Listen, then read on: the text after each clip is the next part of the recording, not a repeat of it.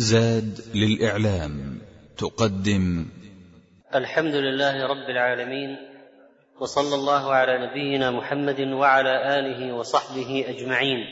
وبعد فمن قصص القرآن العظيمة التي قصها الله علينا قصة موسى عليه السلام مع بني إسرائيل والبقرة. قال تعالى واذ قال موسى لقومه ان الله يامركم ان تذبحوا بقره. واذكروا يا بني اسرائيل اذ قال موسى لقومه وهذه كبيره أخرى من القبائح التي عاناها موسى عليه السلام من بني اسرائيل. تضاف إلى جرائمهم الاخرى وتوضح مدى مخالفة القوم لنبيهم. وتباطؤهم عن امتثال أوامر ربهم مع كثرة اللجاج والعناد وسوء الأدب. وكان من أسلوب القرآن في هذه القصة التقديم والتأخير. وهذه الطريقة في العرض فيها تجديد وتشويق وشحذ للأذهان فإن تأخير ذكر سبب ذبح البقرة يؤدي للتفكير. وإذ قال موسى لقومه إن الله يأمركم أن تذبحوا بقرة لماذا؟ لماذا أمرهم بذبح البقرة؟ السبب لم يذكر هنا ذكر بعد قصة ذبح البقرة في قوله عز وجل وإذ قتلتم نفسا فادارأتم فيها. فإذا ترتيب الأحداث أنهم قتلوا نفسا واتهم بعضهم بعضا وكادت أن تقع بينهم فتنة فادارأتم فيها فأراد الله أن يخرج ما كانوا يكتمون فأمرهم أن يذبحوا بقرة ويضربوا القتيل ببعضها ليحيا ويخبر بالقاتل وتنتهي الفتنة. ولكن الآيات فيها تقديم وتأخير. وإذ قال موسى لقوم إن الله يأمركم أن تذبحوا بقرة ثم جاء السبب لماذا يذبحوا بقرة؟ بعد وإذ قتلتم نفسا فادارأتم فيها. وهكذا ورد في تفصيل هذه القصة عدة آثار وأخبار من الإسرائيليات الله أعلم بصحتها. ومن أمثلها ما رواه عبيد السلماني رحمه الله وهو من تلاميذ ابن مسعود رضي الله عنه قال كان رجل من بني إسرائيل عقيما لا يولد له وكان له مال كثير وكان ابن أخيه وارثه فقتله ثم احتمله ليلا فوضعه على باب رجل منهم. ثم أصبح يدعيه عليهم من قتل عمي؟ حتى تسلحوا وركب بعضهم إلى بعض فقال ذو الرأي منهم على ما يقتل بعضكم بعضا؟ وهذا رسول الله فيكم فأتوا موسى عليه السلام فأتوه فذكروا ذلك له فقال إن الله يأمركم أن تذبحوا بقرة. قالوا أتتخذنا هزوا؟ قال أعوذ بالله أن أكون من الجاهلين. قال فلو لم يعترضوا لأجزأت عنهم أدنى بقرة ولكنهم شددوا فشدد الله عليهم حتى انتهوا إلى البقرة التي أمروا بذبحها فوجدوها عند رجل ليس له بقرة غيرها فقال والله لا أنقص من لا أنقصها من ملء جلدها ذهبا بالثمن فأخذوها بملء جلدها ذهبا فذبحوها فضربوه ببعضها فقام فقالوا من قتلك؟ قال هذا لابن أخي لابن أخيه. ثم مال ميتا. فلم يعط من ماله شيء ولم يورث قاتل بعده.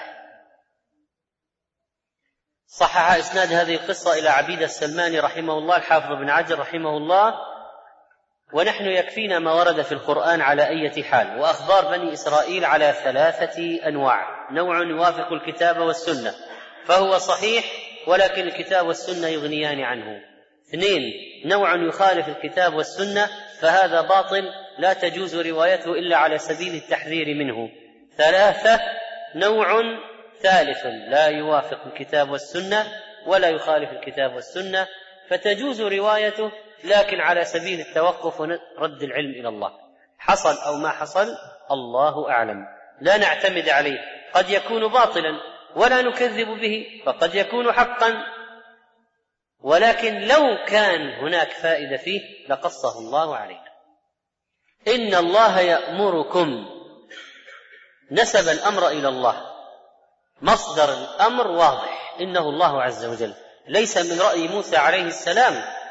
قال لهم هذا ليكون أدعى إلى تصديقه وطاعته وطاعتهم له وامتثالهم أمره.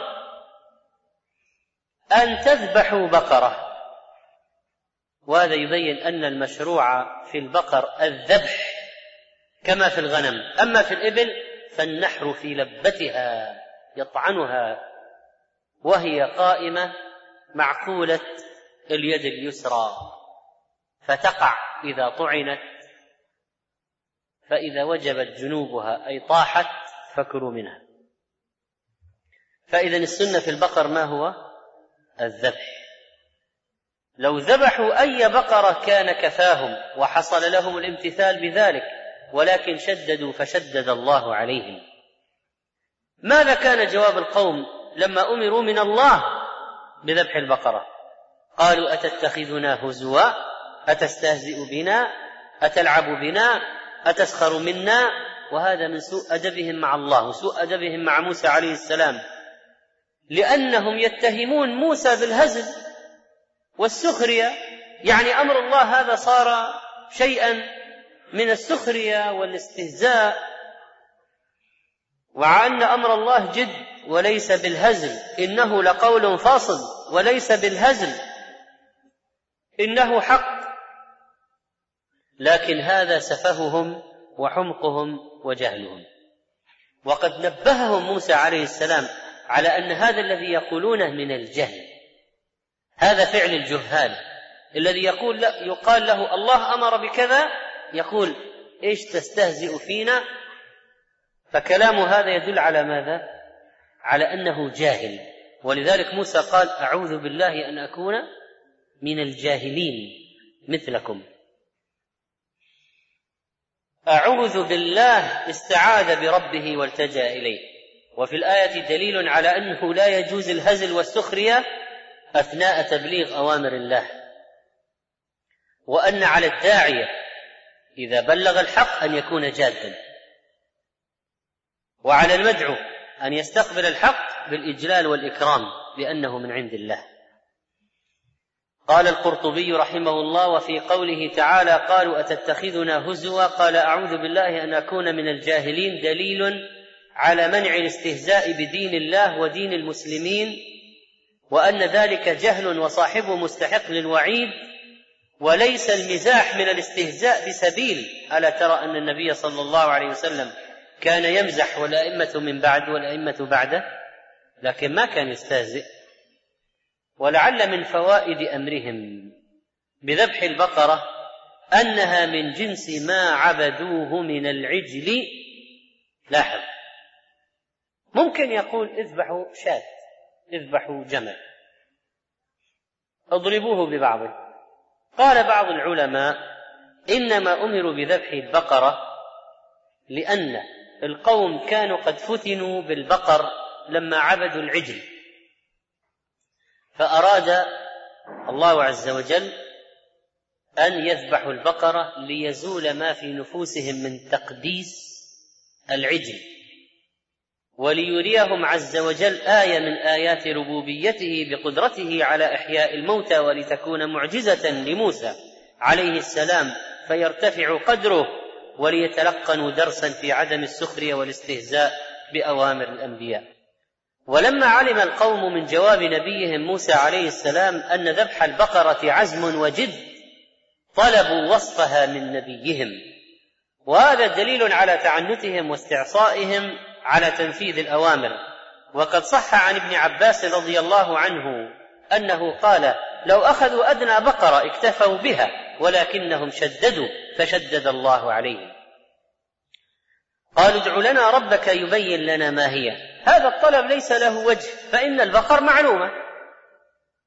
واللفظ المطلق لا يحتاج إلى بيان لوضوح معناه ولكنها طبيعة القوم السيئة. قال إنه يقول إنها بقرة لا فارض ولا بكر جاء الجواب هنا عن ماذا؟ عن سنها. هل هي صغيرة أم كبيرة؟ فقال لا فارض ولا بكر فلعل موسى عليه السلام سأل ربه البيان فأوحى إليه بالجواب. إنه يقول مرة أخرى المصدر هو الله عز وجل وليس من عند موسى وليست آراء ليس رأيا شخصيا للنبي وإنما هو وحي يوحى إليه. إنه يقول إنها أي البقرة المأمور بذبحها لا فارغ مسن هرمة ولا بكر فتية صغيرة لم تلد. لا مسن هرم لا تلد ولا فتية صغيرة لم تلد. وإنما هي عوان بين ذلك وسط بينهما فافعلوا ما تؤمرون. هذا هو المهم الآن. امتثلوا نفذوا فورا. لا تتلكأوا لا تتباطؤوا لا تتعنتوا لا تتشددوا. لكنهم عصوا نبيهم. قال لهم فافعلوا ما تؤمرون. شرعوا يسألونه عن لونها. ولو أخذوا بقرة بأي لون لأجزأهم ذلك. قال موسى عليه السلام بعدما سأل ربه فأوحى إليه بالجواب إنه يقول مرة أخرى المصدر من الله إنها بقرة صفراء فاقع لونها هي الصافي لونها. تسر الناظرين تعجبهم وتدخل البهجة عليهم لحسن صورتها وهيئتها وتمام خلقتها وتوسط سنها وصفاء لونها. فهل اكتفى القوم بهذه العلامات والصفات؟ كلا. وإنما زادوا في التشدد والتعنت فلجأوا إلى السؤال عن البقرة هل هي عاملة أو غير عاملة؟ لأن من البقر ما يعمل في الزرع في الحرث في السقي. ومن البقر ما هو معد للدر والنسل وليس من العوامل. قالوا ادع لنا ربك يبين لنا ما هي. وهذا طلب ثالث واستكشاف زائد واستقصاء مشؤوم. فقالوا إن البقرة تشابه علينا اشتبهت علينا البقرة المطلوبة وهذا كذب. لأنه لما عين لهم البقرة وذكر لهم سنها وذكر لهم لونها فأين التشابه حينئذ؟ كل هذه الصفات ثم يقولون تشابه علينا كذبة تباطؤ تلكؤ. واحد لا يريد التنفيذ. كل شوي يأتي بقضية جديدة يفتح موضوعا جديدا. لا يريد أن يؤخر التنفيذ. وهذا حال بعض الناس. تأمره بالحق وتشرحه له. فيفتح لك قضية جديدة. وهكذا. تمطيط. تمطيط. ناس لا تريد أن تنفذ أمر الله.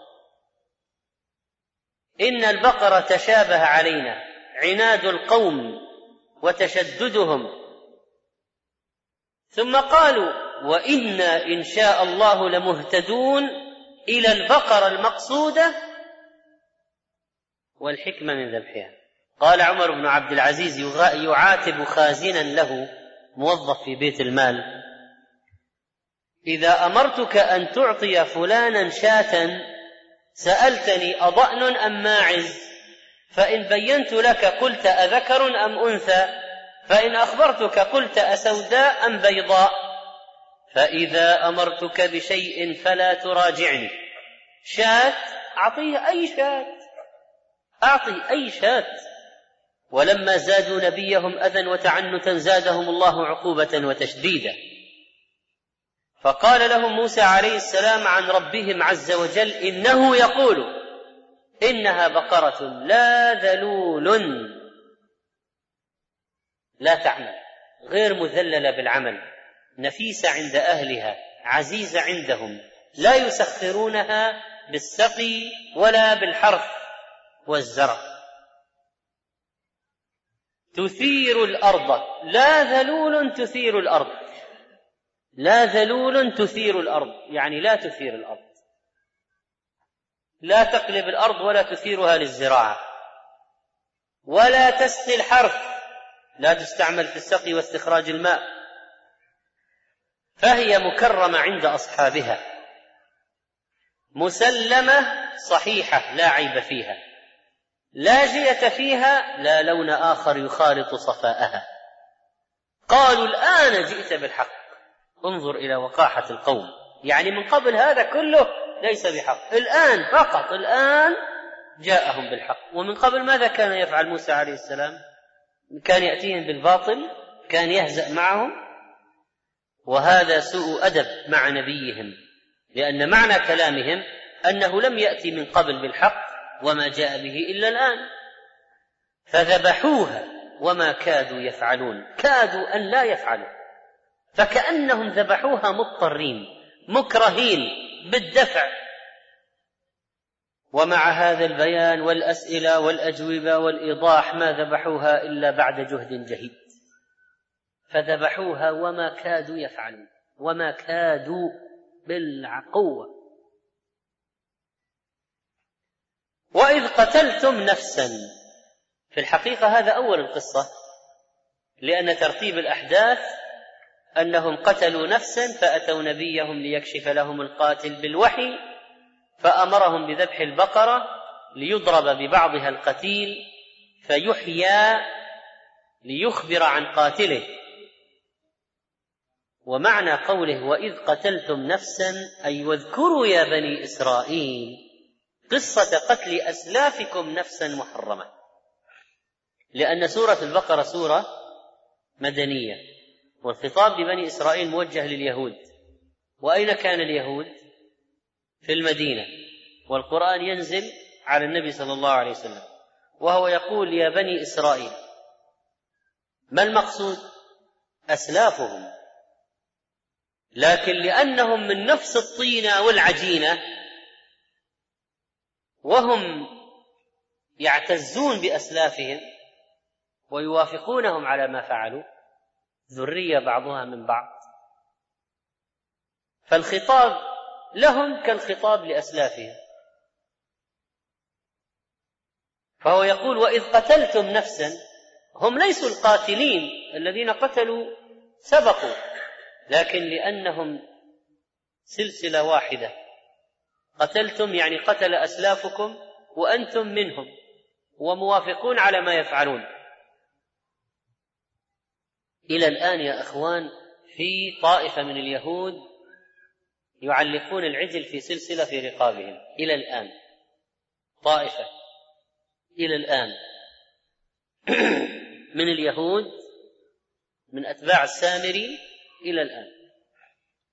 وإذ قتلتم نفسا فادارأتم تنازعتم وتخاصمتم واختلفتم وتدافعتم فكل فريق يدفع التهمه عن نفسه ويرميها على الآخر فحصلت بينكم فتنة. والله مخرج ما كنتم تكتمون مظهره وما كنتم تسترونه يكشفه. فقلنا لموسى عليه السلام اضربوه أي القتيل ببعضها جزء من البقرة. لم يخبرنا عن هذا البعض ما هو هل هو رأسها هل هو فخذها هل هو لسانها هل هو شيء آخر؟ هل في هذا فائده لنا؟ لو كان في فائدة لعينه ولا يعجزه تعالى شيء. لو قال فقلنا اضربوه بفخذها فقلنا اضربوه برأسها. لو كان مفيدا لأخبرنا به.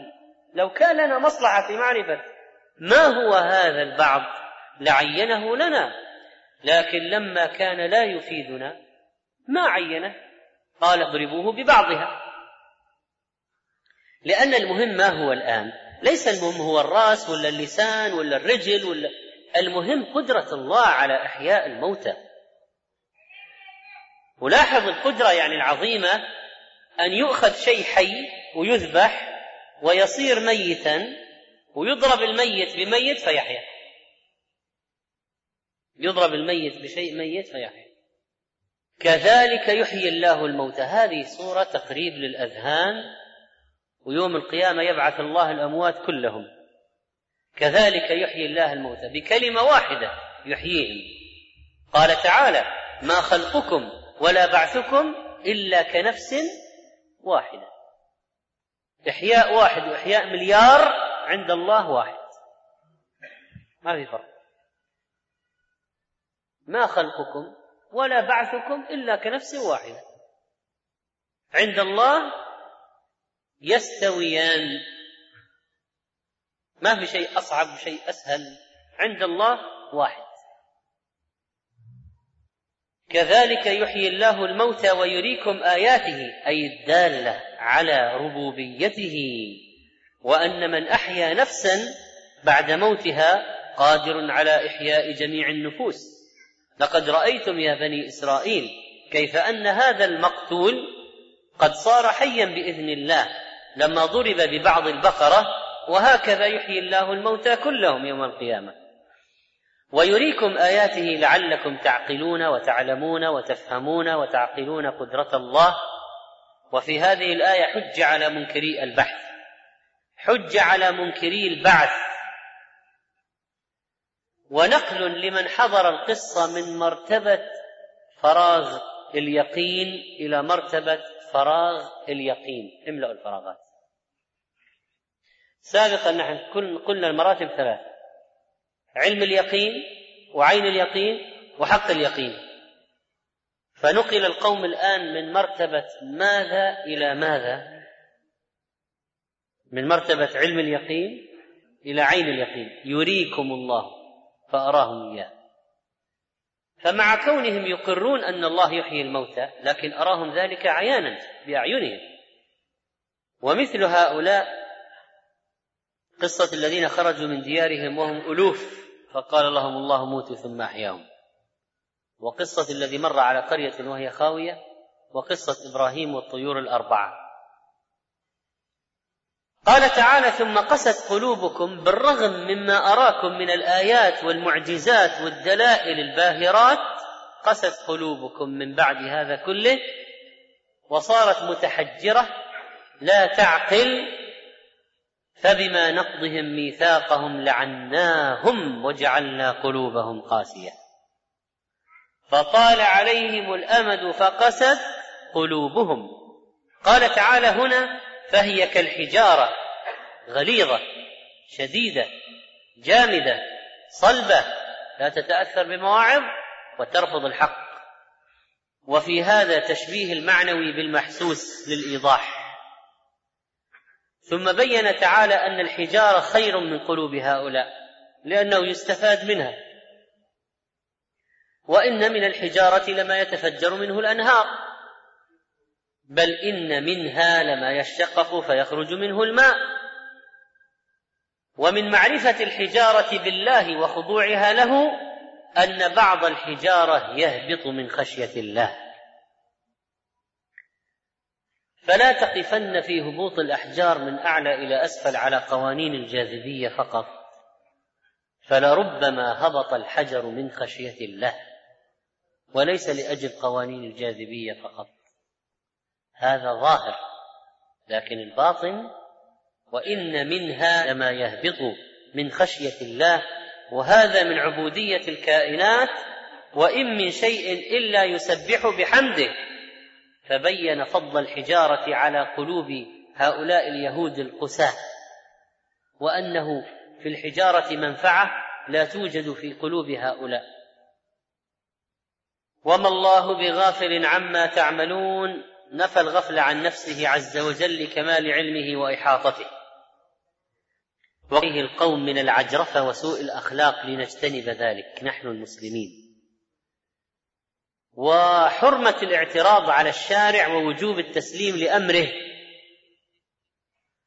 والأخذ بالمتيسر ما دام مباحا لماذا طلب التعقيد والتشديد؟ وأيضا فإننا رأينا في هذه القصة شؤم مخالفة الأنبياء وأن مخالفة النبي ما أتت لهم إلا بالشدة والصعوبة وأيضا الالتجاء إلى الله التجاء الداعيه إلى الله عند قسوة المدعوين وإعراضهم. أعوذ بالله أن أكون من الجاهلين. وأيضا فقد رزق الله رجلا صاحب البقرة من وراء تشديد هؤلاء. وكذلك ذكر بعض العلماء أن اللون الأصفر الفاقع من الألوان التي تؤثر في النفس سرورا. والألوان لها تأثير نفسي. لو واحد دهن جدار بيته من الداخل أسود ستكون النتيجة على نفسه غير إذا كان أبيض. هذا اللون الأصفر يسر الناظرين ولذلك قالوا إن المرأة المحادة لا تلبس الثياب الجميلة والمزينة فقالوا الثياب الحمراء والصفراء. وأيضا فإن المشيئة استعمالها لا بد أن يكون موافقا للشريعة. فأنت إذا أردت أن تخبر عن شيء ستفعله في المستقبل تقول إن شاء الله.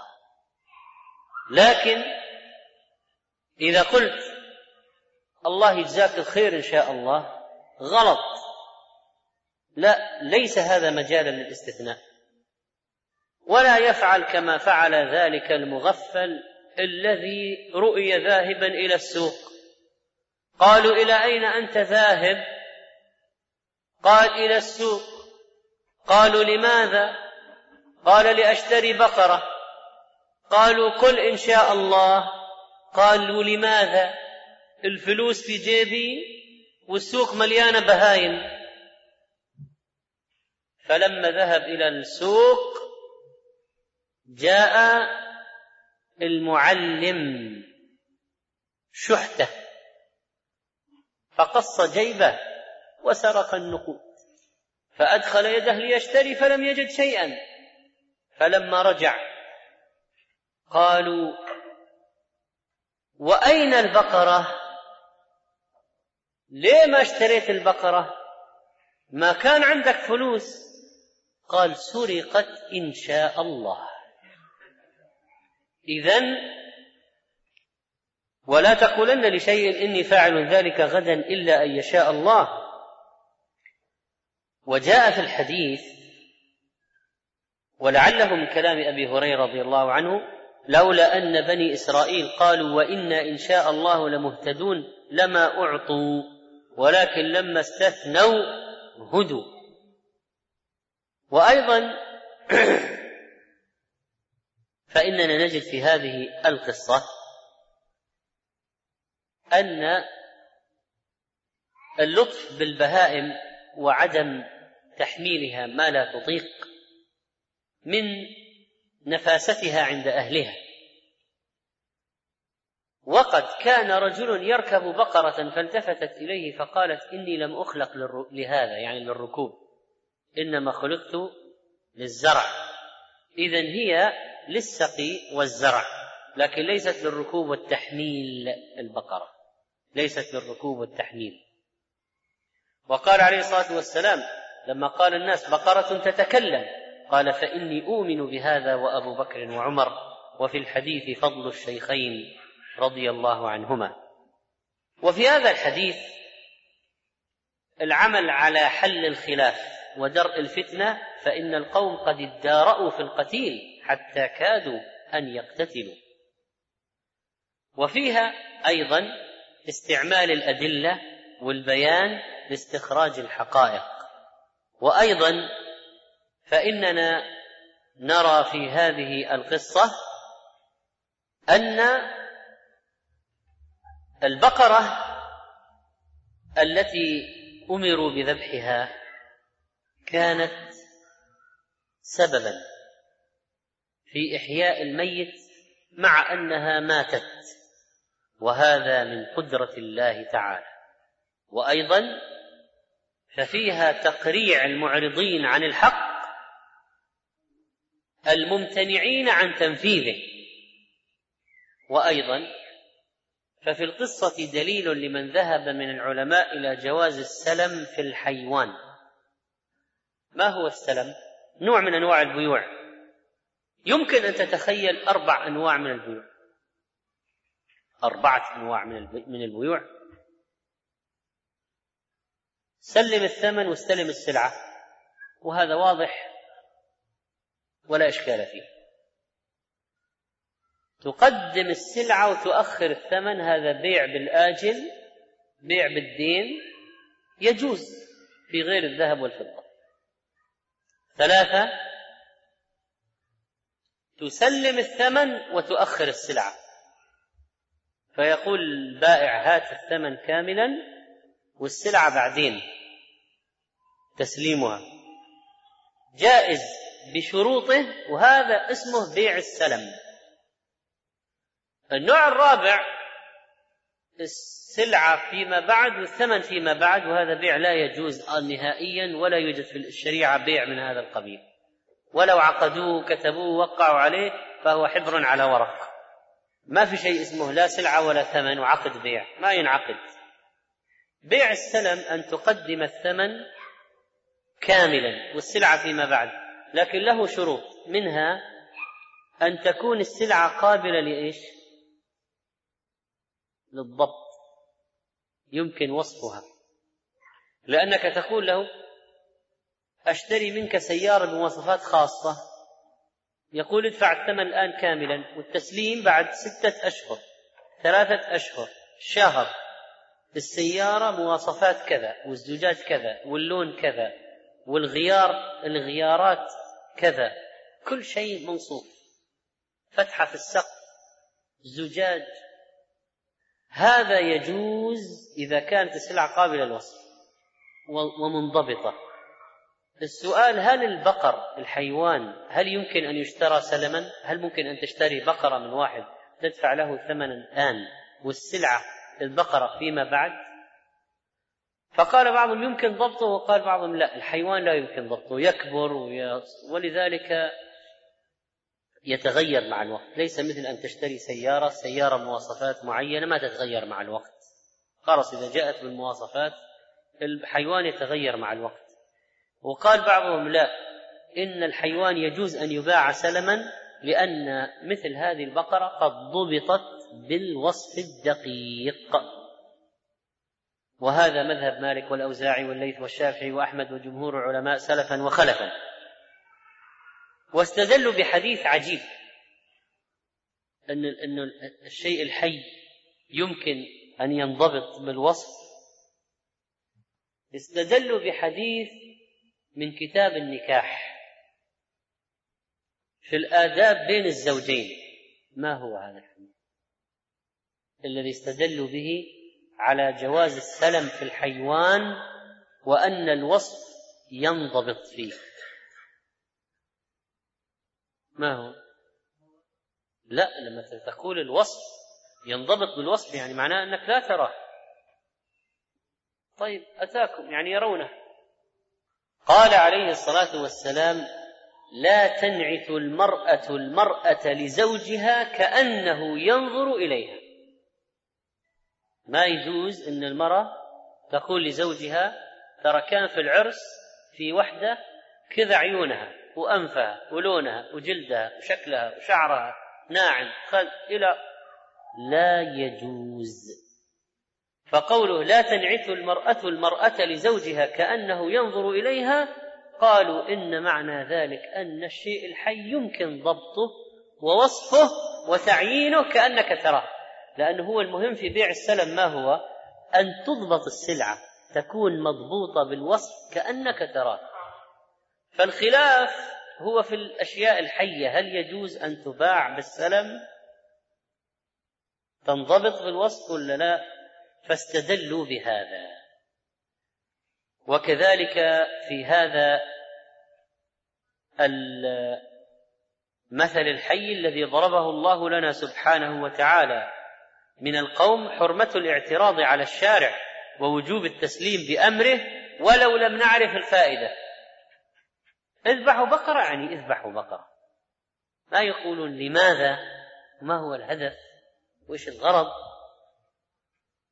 وتحاشي الكلمات التي قد يفهم منها انتقاص الأنبياء مثل الآن جئت بالحق. فهذه بعض الفوائد التي انطوت عليها هذه القصة العظيمة. نسأل الله سبحانه وتعالى أن يدلنا على الحق وأن يرشدنا إليه وأن يجعلنا مستمسكين به. وصلى الله على نبينا محمد.